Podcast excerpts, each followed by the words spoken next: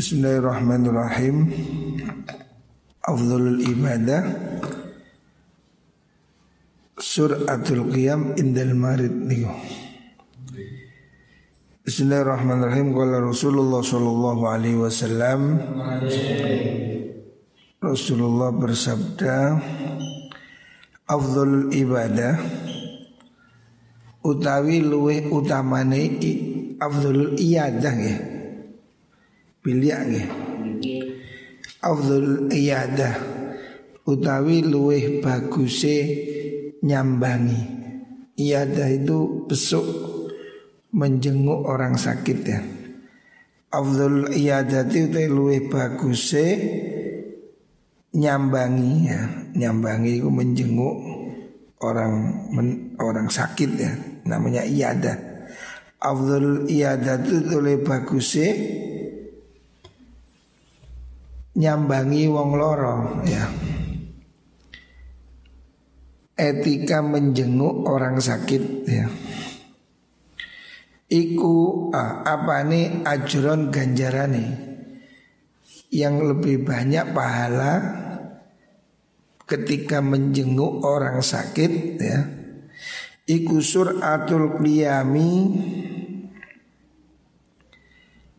enggal-enggale ngatek jumeneng min indil maridi saking ngersane wong kang loro.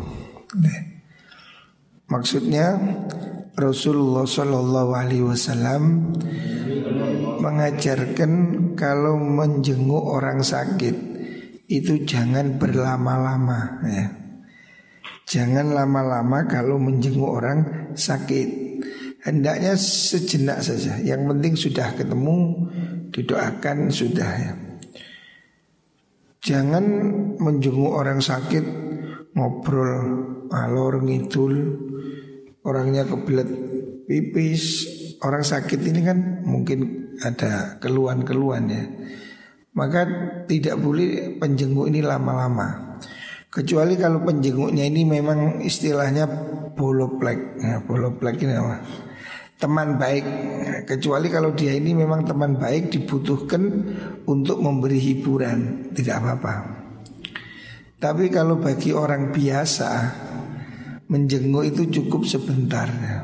jangan terus lama-lama. Karena orang yang sakit ini mungkin perlu istirahat perlu perawatan. Jangan terlalu lama ya. Ini etikanya menjenguk orang sakit ya. Jangan terlalu lama supaya dia tidak tidak capean ya.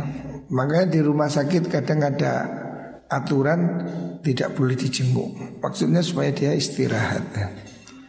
Apalagi kalau yang jenguk ini meten-meteni. Oh, lulu kok ngene bahaya ya. Lu tonggoku ngene wingi mati. Olah. Ya tambah stres. Rawahu Dailami. Afdhalul fadhaili utawi utamani piro-piro keutamaan. Maksudnya afdhalul fadhail ini hal yang paling utama dari berbagai hal yang utama ya. Iku antasila yento nyambung siroman ing wong koto aka kang mekot sopoman ka ing siro. Ibadah terbaik itu di antara yang terbaik ya. Fadhail itu jamaknya fadilah. Jadi ada beberapa pekerjaan yang baik tapi yang terbaik lagi itu antasila man qata'aka. Antasila yento nyambung siro man ing wong qata'aka kang medot sapa man ka ing siro. Hendaknya kamu menyambung orang yang memutus hubungan ya. Artinya orang yang sudah tidak nyapa supaya disapa ya. Ini disebut dengan makarimul akhlak ya. Hadis lain mengatakan ini adalah makarimul akhlak Artinya akhlak tertinggi ya Itu pada empat hal ini ya Di antaranya Menyambung orang yang memutuskan hubungan. Nah, ini berat sekali kan. Kita ini kan secara naluri biasanya kalau ada orang musuhi kan membalas konfrontasi. Nah, yang terbaik itu jangan melayani ya. Kalau ada orang tidak nyapa, sapalah ya. Sambunglah orang yang memutus. Makanya disebut dengan silatur rahim. Sila itu menyambung. Kalau membalas itu bukan silaturahim. Umpamanya ada orang datang ke rumahmu, kamu balas. Itu namanya nyaur ya. Ada orang ater-ater terus kamu balas. Itu belum silaturahim, itu membalas atau mengimbangi ya.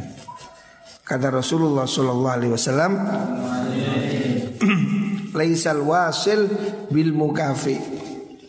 Yang disebut menyambung itu bukan membalas ya. Tapi wasil itu man idza quti'at rahimhu wasolaha. Orang yang ketika diputus hubungan dia sambung. Lah itu namanya wasil, nyambung ya. Watu'ti man haramak.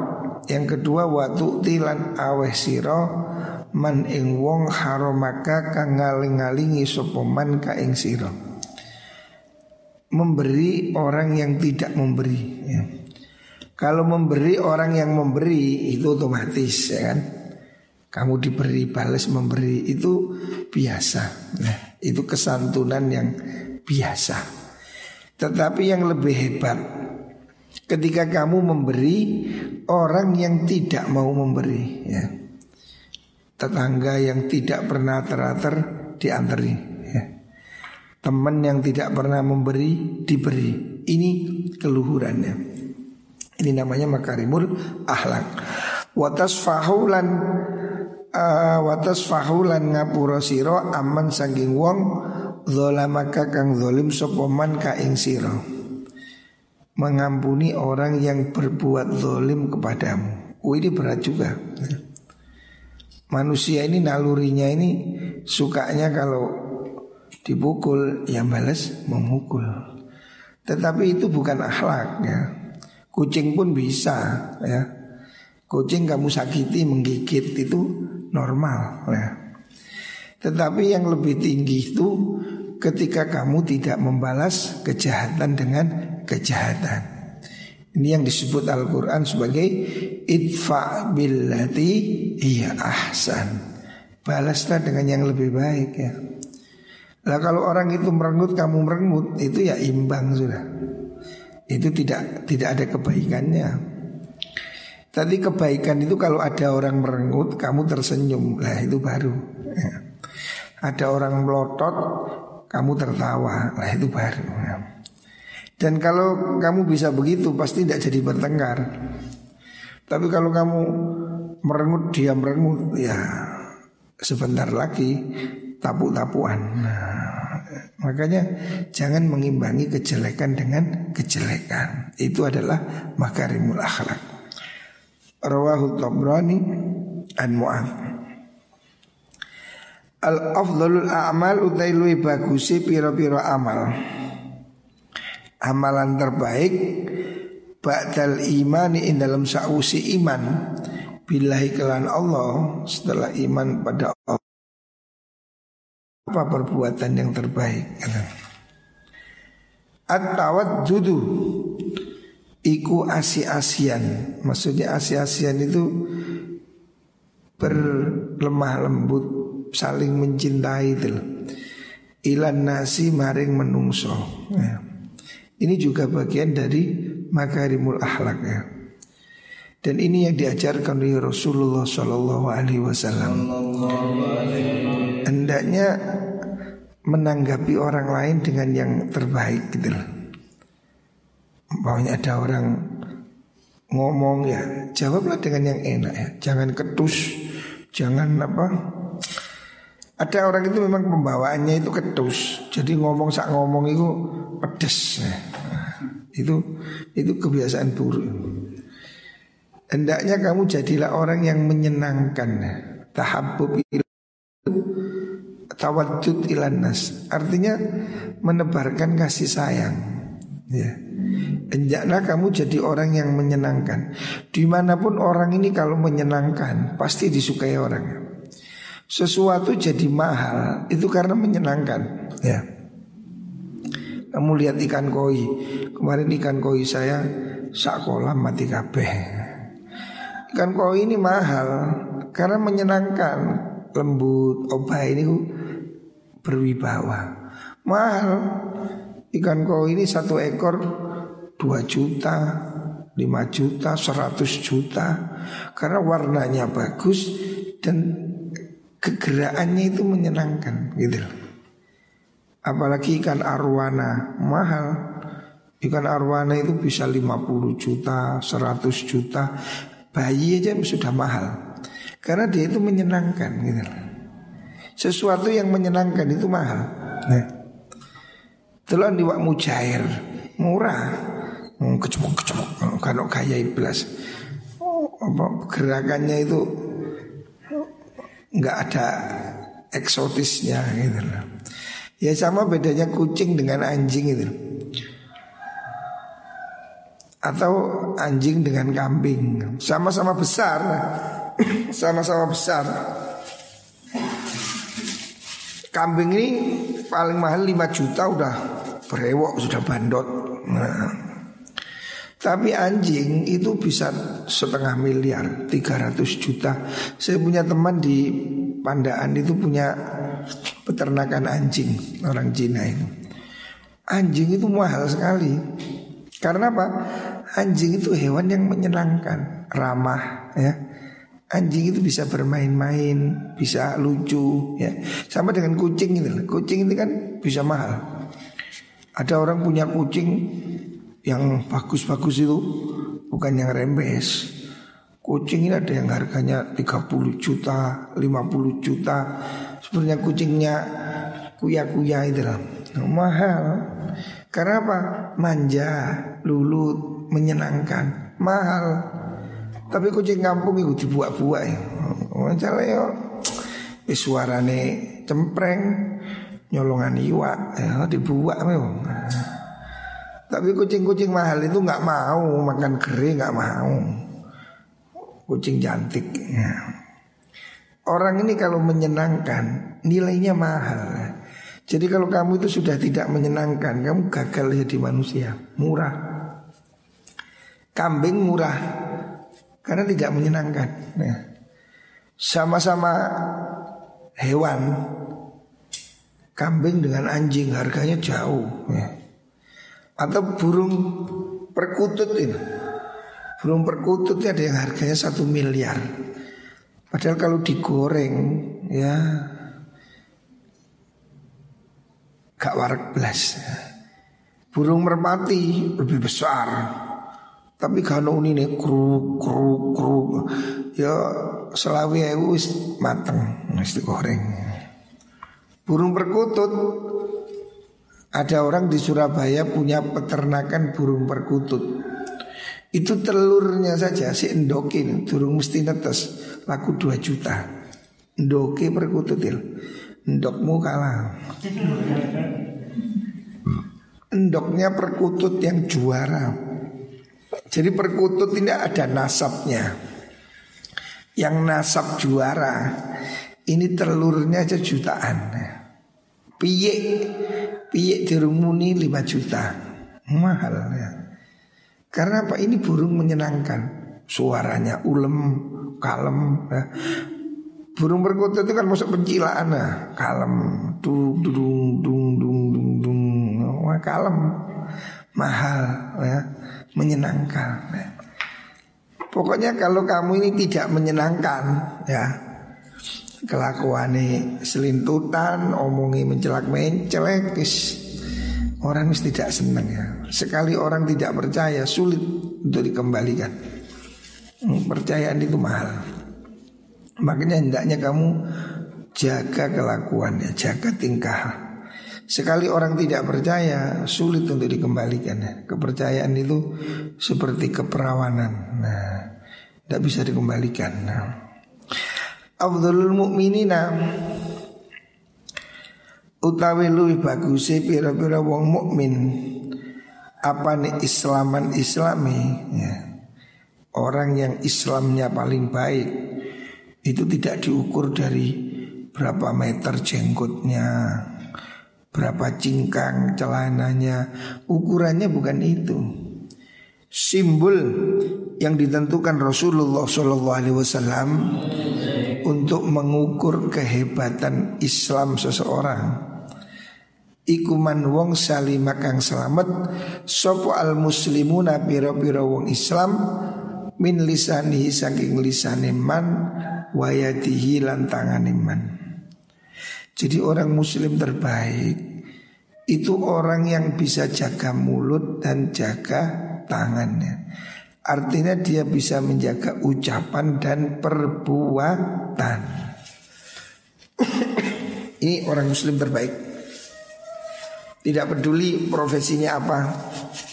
Bukan soal kiai, bukan soal kuli.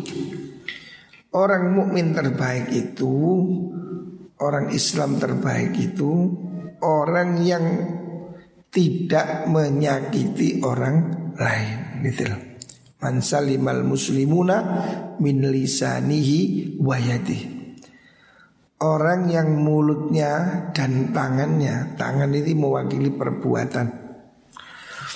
Orang yang tangannya perbuatannya tidak menyakiti orang lain. Begitu juga mulutnya. Kenapa mulutnya didahulukan? Min lisanihi wayatihi. Sebab luka karena mulut ini lebih menyakitkan. Luka karena pedang bisa diobati. Tapi luka karena lisan oh bisa bisa tidak terlupakan ya sampai mati. Orang kalau tersinggung itu bisa bertahun-tahun. Tapi kalau orang terpukul ya seminggu mungkin sudah sembuh ya. Makanya yang lebih penting jaga mulutmu. Yang kedua jaga perbuatanmu. Wa afdalul mu'minina lan utai utamane wong mukmin, orang mukmin yang paling afdol terbaik apa nih imanan imani? Orang imannya terbaik itu siapa? Ahsanuhum iku luwih baguse luwih baguse sinten niku wau mukminin apa nih luwih baguse khulukon akhlaki ya. Orang mukmin terbaik itu orang yang akhlaknya paling bagus ya. Perbuatannya bagus ya. Dan tadi akhlak yang bagus tadi itu menyambung hubungan, memaafkan, memberi ya. Itu kunci dari makarimul akhlaknya. Aksanum khulukon itu ya pemaaf ya. Itu di antara dari makarimul akhlak memaafkan, suka memberi, suka menyambung hubungan, itu akhlaknya. Wa pundiwau wa afdalul muhajirina utawi luwi bagusi piro-piro wong kang hijrah. Kan sekarang ini ada hijrah, tren hijrah. Oh, asale buka-bukaan terus jilbaban hijrah. Nah. Hijrah itu adalah man wong hajar kang ninggal sapa man ninggal ma ing perkara nahallahu kang nyegah sapa Allah anhu saking man. Hijrah yang terbaik itu hijrah dari hal-hal yang dilarang Allah ya. Makanya hijrah itu meninggalkan kehidupan yang buruk berpindah pada kehidupan yang lebih baik itu hijrah ya. meninggalkan keharuman ya. termasuk kalau hati ya meninggalkan hawa nafsu ya walaupun penampilannya sudah berukut tapi kalau nafsunya masih liar ya tidak bisa. Hijrah itu ya dengan hati dan perbuatan. Wa jihad itu lebih bagus jihad. Jihad yang terbaik. Ikuman wong jahad kang jihad sopoman berjuang ngalahkan jihad nafsahu ing awak dewi neman nafsu neman Fillahi ing dalam krono Allah Azza wa Jalla Jadi jihad yang terberat itu bukan jihad melawan musuh. Jihad yang terbesar itu jihad mengalahkan hawa nafsu. Jihad mengalahkan diri sendiri. Jihad mengalahkan orang lain lebih mudah ya. Tapi jihad yang terbesar itu Jihad mengalahkan hawa nafsu ya. Jihad mengalahkan diri kita sendiri. Walladzina jahadu fina lanahdiyannahum subulana ya. Jadi orang itu harus ada perjuangan untuk mengalahkan ego, mengalahkan nafsunya ya. Makanya kamu harus berubah ya. Ramadan ini kalahkan syahwat setan kepeng handphonemu. Nah, ini jangan terus-terusan HP me membelenggumu. Karena itu akan membahayakan. Kenyataan banyak orang itu HP itu tidak malah menyambung tapi memutuskan. Suami istri geger gara-gara sibuk handphone nih. Sing wedok duwe pacar, sing lanang duwe pacar mana? Ya ini gara-gara handphone nih. Akhirnya sing wedok sibuk nek meceng sing lanang ya. Ya, ini berat ini. Jadi handphone ini bukan menyambung lama-lama, memutuskan, membuat orang ribut nih. Banyak kasus begitu itu. Rumah tangga gegeran gara-gara handphone ini. Makanya handphone ini setan kepeng. Nah, berbahaya ini. Rawal Bukhari an Nabi Said. Bundio. Rawal Tabrani an Ibn Umar. Afdhalun nasi utai luih bagus menungso Manusia terbaik sekarang Siapa manusia terbaik itu Mukminun iku wong mukmin ya. Yujahidu kang berjuang sapa mukmin fi sabilillahi ing dalam ngeluhurakan agamanya Allah. Manusia terbaik itu orang yang mau berjuang. Berjuang. Berjuang ini bukan hanya perang ya. Berjuang itu lihat binafsihi kalan awake wong wa malihi lan bondone wong. Jadi dengan harta dan tenaga ya. Malah kalau dalam Al-Quran itu wajah itu bi amwalikum harta dulu baru wa amfusikum. Orang ini banyak ngomong jihad berjuang berjuang tapi modit. Berjuangnya dengan harta juga ya. Berjuangnya bukan hanya dengan ucapan ya. Berjuangnya dengan tindakan termasuk dengan uang. Nah, makanya ini salah satu yang terbaik adalah orang yang berjihad dengan dirinya dan hartanya. Suma mukminun nuli wong mukmin fi sya'bin ing dalam perengane gunung. Maksudnya sya'bin itu di tempat terpencil. Minas syi'abi sanging piro-piro perengan. Jadi orang yang tinggal di lereng-lereng gunung. Maksudnya syi'bin itu adalah beruzlah itu yang dimaksud. Orang yang tinggal di lereng gunung. Ya bukan harus di gunung, ya, di pinggir pantai juga bisa ya. Yang dimaksud dengan fisik bin minas syiab itu orang mukmin yang menjauhi keramaian hidup. Terus saat ini ya mondok nih. Orang yang tinggal di pondok menjauhi apa? Menjauhi kehidupan ramai. Tetapi sungguh-sungguh Buatan awak ke pondok tapi ini ke pasar Ya bodoh Jadi menyendiri itu bukan hanya tubuhnya Tapi hatinya ya. Terus Ya taki kang wedi sopo mukmin Allah ing Allah Waya daulan tinggal sopo mukmin anasa ing menungso min syarrihi saking olone mengkono mukmin.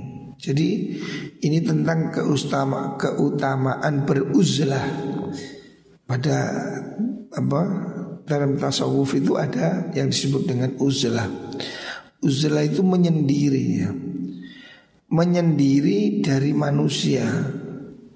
Ketika apa? ketika takut ada fitnah itu. Bukan lari dari kenyataan, bukan frustasi kemudian menyendiri, bukan. Menyendiri yang dimaksud itu meninggalkan kehidupan yang rusak. Eh, kalau terjadi zaman sudah rusak, maka wal khairu fil uzlati ya sufi. Kebaikan itu dalam uzlah, menyendiri. Ya menyendiri hari ini di pondok ini juga termasuk ya. Di pondok tapi dengan konsekuen. Lagi pondok tulisan handphone aja bodoh Berarti itu kan tidak menyendiri. Menyendiri dalam arti meninggalkan maksiat. Ya. Uzlah ya. Uzlah itu menyendiri, meninggalkan maksiat, meninggalkan apa? keburukan-keburukan dalam hidup itu. Kalau memang tidak ada fitnah, artinya dia bisa hidup dengan orang lain, maka lebih baik ya. Ulama berbeda pendapat tentang uzlah ya. Uzlah ini apakah lebih baik kita? menurut ulama Syafi'i ya, madhab Syafi'i menurut mayoritas ulama lebih baik orang itu berkumpul dengan orang lain. Ya. Lebih baik dia itu ber, berbaur dengan masyarakat selama dia bisa menyelamatkan dirinya dari fitnah gitu. Jadi mana yang lebih baik menyendiri atau berbaur dengan masyarakat?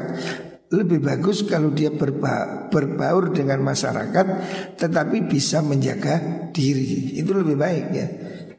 Bahkan kalau bisa mewarnai.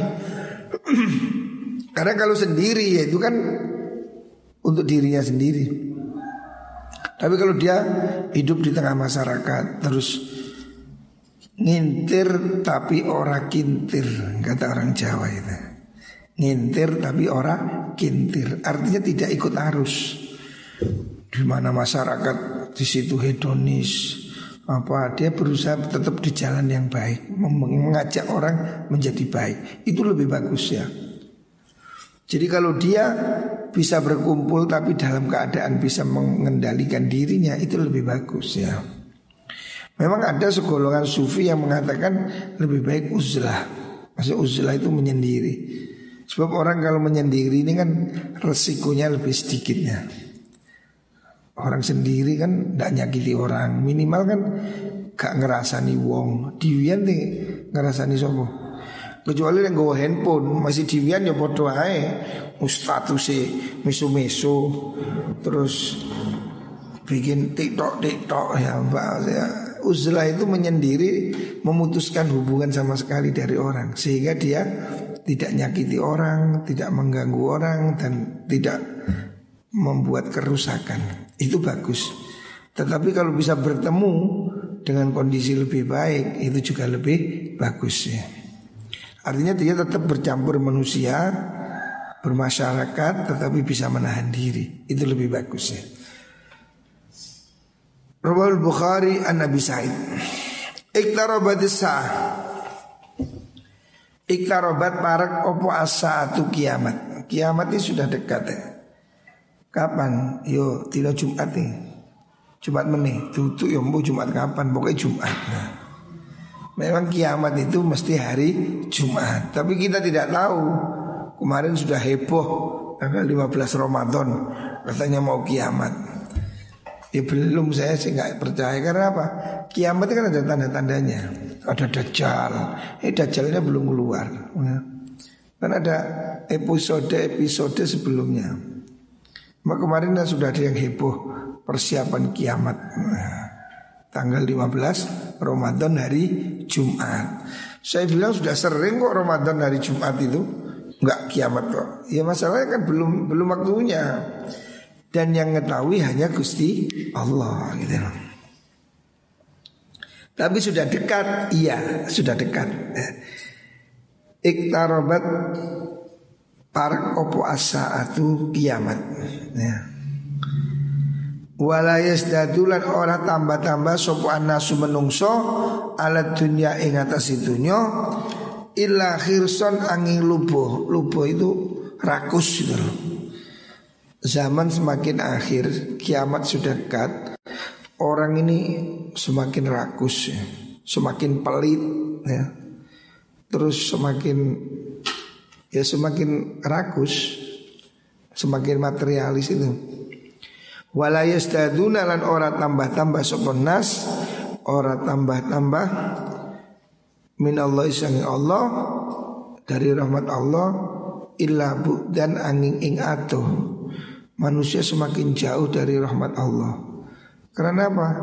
Manusia semakin materialis ya. Semakin pelit. Semakin egois ini penyakit zaman akhir ya. Penyakit zaman akhir ini manusia akan seperti itu. Maka dia akan semakin jauh dari rahmat Allah ya. Ya penyakitnya itu tadi rakus. Rakus itu mengumpulkan antara sifat pelit dan pelit dan itu tamak itu ya. Maka dia jadi itu.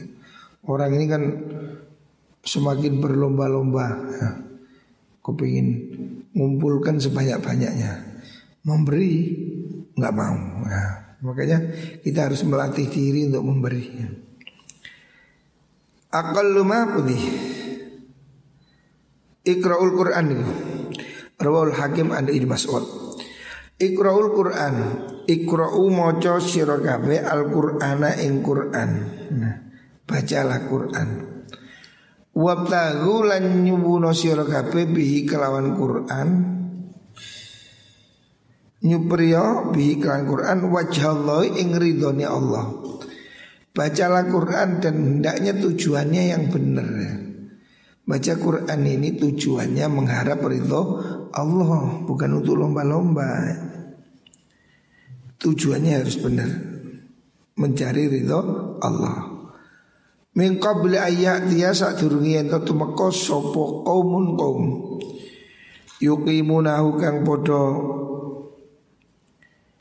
jejekaken sapa kaum u ing mengkono Quran nah iqamatal kidhi kaya oleh jejekaken ing jemparing. Kidhi itu anak panah itu. Ada orang yang nanti zaman akhir kata Rasulullah Shallallahu Alaihi Wasallam itu orang baca Quran itu cepet-cepetan seperti orang masang panah itu.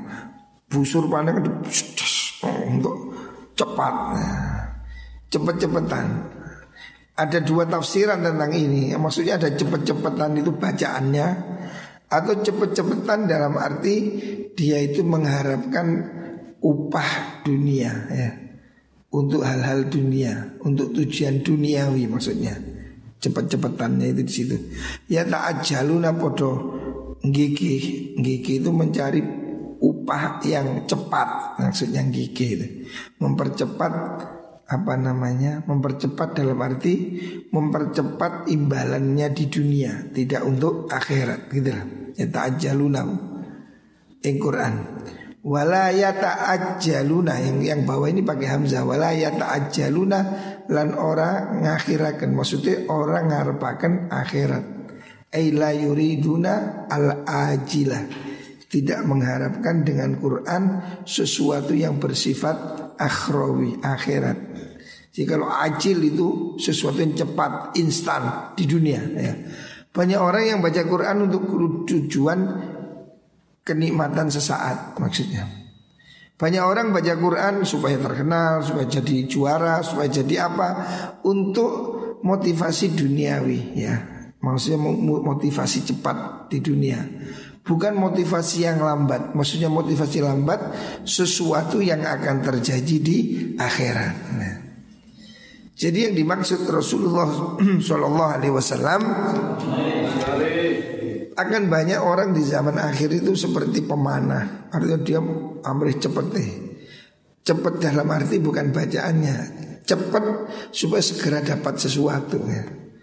Membuat Quran sebagai komoditi. Hari ini kan banyak gitu.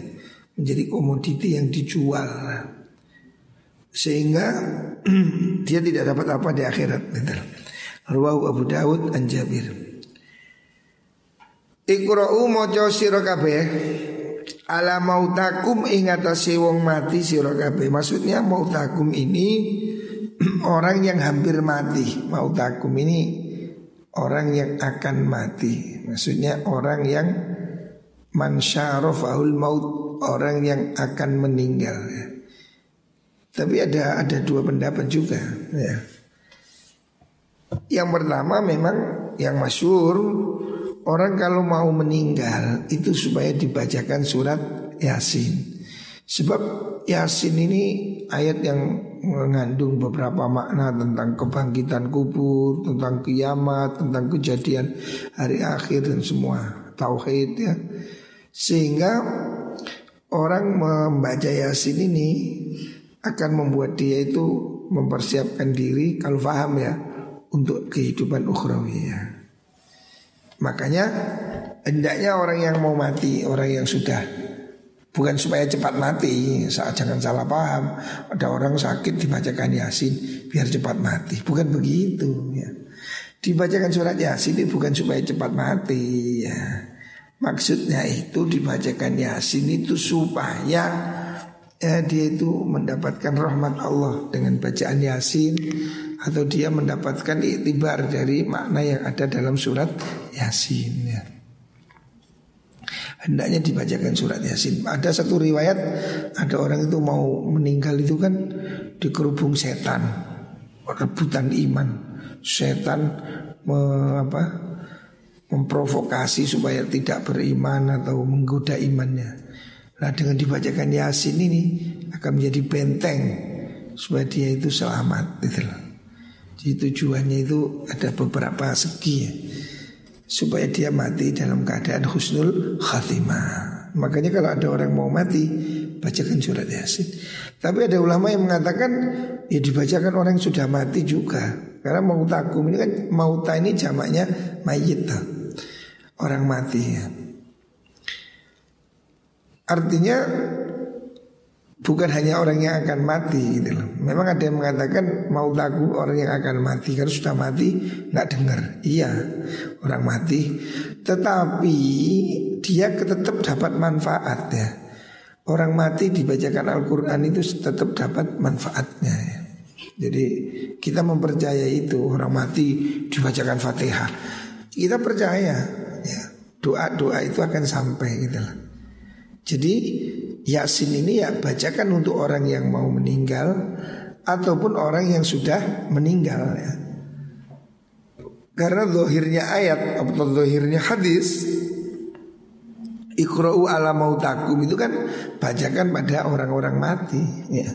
Ya orang mati juga perlu dibacakan Makanya biasanya tahlil baca surat Yasin ya. Itu bagus Artinya Orang belum mati dibacakan Yasin Sudah mati pun juga dibacakan Yasin ya. Itu bagus saja. Rawahu Ahmad. Hadis riwayat Imam Ahmad. Aqallu ma yujadu Fi akhir zaman Dirhamun halalun. Aqallu ma utawi luwih titike perkara sesuatu yang paling langka. Nah, yujadu kang den temu apa ma fi akhir zaman in dalam akhir zaman ya. Sesuatu yang paling sulit ditemukan di akhir zaman ya. ya saat ini sudah terjadi ini. Apa hari ini yang sulit dicari itu sulit hari ini didapatkan dirhamun ikut dirham maksudnya uang halalun kang halal ya. Jadi hari ini cari uang halal itu sulit ya. Ya kenapa? Yang haram lebih banyak. Makanya ada orang yang agak menjadi ngawur, musim haram mayangil, apalagi sih halal. Harusnya tidak begitu ya. Ya sesulit apa pun pilihlah yang halal gitu loh lebih bagus ya orang itu walaupun sedikit tapi yang halal. Jangan mencari yang banyak tapi tidak halal ya. Sehingga orang ini menjadi tidak terhormat ya. Kalau dia asal asal dapat maka hidupnya menjadi ngawur.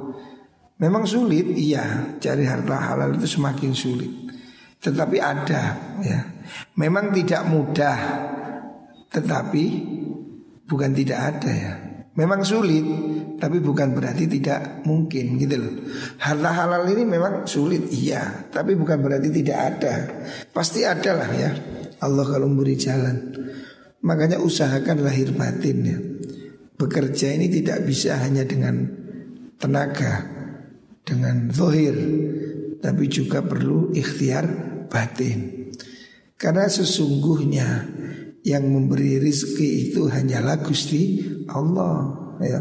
Pekerjaannya bisa ditiru Bakul bakso, bakul soto Semua bisa ditiru Tapi rezekinya tidak sama ya. Makanya berusahalah kita mencari yang halal Memang tidak mudah ya Tetapi bukan berarti tidak ada Sulit iya Au akhun utawa sedulur yusaku kang kena den percaya sapa bihi ah cari teman yang bisa dipercaya ini juga sulit ya. dua hal ini sulit di akhir zaman ada dua perkara yang sulit di akhir zaman artinya sedikit sekali ya. satu harta halal ya. harta halal ini sesuatu yang semakin hari semakin sulit ya. karena subhat di dunia ini sudah dipenuhi subhat ya. Abu-abu halal haram menjadi banyak orang yang bingung Tetapi kewajiban kita tetap cari yang halal Walaupun itu susah ya. Carilah yang halal Yang kedua Cari teman setia Itu sulit Teman yang bisa dipercaya Teman yang betul-betul setia itu Sulit ya banyak teman di meja makan Kata Bang Haji Umairama Banyak teman di meja makan. Tapi di pintu penjara Tidak ada. Nanti orang itu kalau susah Cari teman ini susah. Tapi kalau teman senang Banyak. Kalau kamu punya duit Singkati ngampung Oke okay. Tapi kalau kamu melarat Sulit cari teman yang setia ya. Termasuk cari istri yang setia nggak sulit ya. Istri setia nggak repot. Teman setia juga repot. Ini dua hal yang sulit. Tapi bukan berarti terus kamu nggak punya teman. Ya, Memang kalau kamu cari teman yang sempurna Itu hampir tidak ada. Teman yang tidak pernah bohong, teman yang tidak pernah ini, yang pokoknya yang sempurna itu sulit. Sama dengan cari pasangan hidup yang sempurna sulit ya. Hampir tidak ada. Kalau kata ibu saya, lek golek sing sikile papat ya kursi. Artinya yang jenep kan ada empat kriteria cari istri itu ada diniha, wa maliha, wa jamaliha, wa hasabiha. Kalau empatnya semua ini dapat ya sulit ya. Sikili papat ya kursi jadi artinya yang yang cantik, agamanya baik, kaya raya, nasabnya istimewa. Waduh, yo angel aneh. Mungkin hanya ada di surga. Mencari wanita solihah susah ya. Tetapi bukan berarti terus kamu nggak menikah, ya carilah ya. Memang tidak ada yang sempurna, tapi kamu bisa untuk saling menyempurnakan. Tapi kan indikatornya ada gitu. Indikator wanita baik-baik ya. Hati-hati deh. Kalau kamu salah memilih, itu kamu akan apa kesulitan selamanya. Orang ini kalau pasangannya salah, itu hidupnya menjadi susah. Orang ini belum kelihatan enak tidak enak sebelum menikah. Belum menikah orang ini kadang ya hebat, tapi setelah menikah bisa berubah ya. Istilahnya kalau nahwu itu amilnya itu loh. Zaitun kalau belum ada amil ya belum bisa dinilai. Kalau ada amil rofa, jaa zaitun, nah, baru rofa. Artinya kalau istrinya ini amil rofa, oh, fasukiyo mongko dadi sugih, oh, jaa zaitun, rofa. Tapi tempat sing nasab roa itu zaitan ya lumayan lah. Sing rupeti lek maror tu bizaitin kak bujuni tempat amil cer anjlok. Nah, sing jazem mate. Maka kamu ini harus bisa milih ya, cari yang amil rofa. Carilah istri yang membawa hidupmu bahagia. Karena kalau kamu salah memilih, kamu akan nyesel. Banyak sudah kasus kehidupan itu menjadi bermula ketika dari menikah. Ketika kamu salah memilih pasangan, ya baik laki-laki atau perempuan sama. Ketika orang itu salah memilih pasangannya, maka ya kehidupan itu tidak seindah yang dibayangkan. Karena orang itu kedamaian itu di rumah. Kalau di rumah tidak ada kedamaian, tidak ada tempat di dunia ini yang menyenangkan. Saudara. Jadi rumah ini tempat kita beristirahat dari pertempuran hidupnya. Laki-laki ini bertempur di luar pulang untuk istirahat. Lalu ke luar bertempur, cuma bertempur mana? Waduh, tewas kamu nanti ya. Di luar sudah hidup keras, di rumah istri galak. Waduh, ya semua kan buana akan kamu menjadi lebih cepat tua. Orang ini kalau istrinya galak itu beruban sebelum waktunya. Ya, makanya kamu ada doa minta istri itu Allahumma inni as'aluka imratan tu'inuni ala ibadatik. Ya Allah berilah saya istri yang mendukung saya beribadah. Itu istri yang menyenangkan, membuat kamu tenang. Wa na'udzubika min imra'atin tusyayyibuni qoblal masib. Jauhkan saya dari perempuan yang membuat saya beruban sebelum waktunya. Nah, iku bujune saya punya teman ganteng, bujune gua lah. Terus turun wayai beruban sudah beruban. Ya karena ini herdernya itu galak sekali itu, itu bahaya itu. Ini harus hati-hati ya. Muka-muka semua dapat yang terbaik. Al-Fatihah.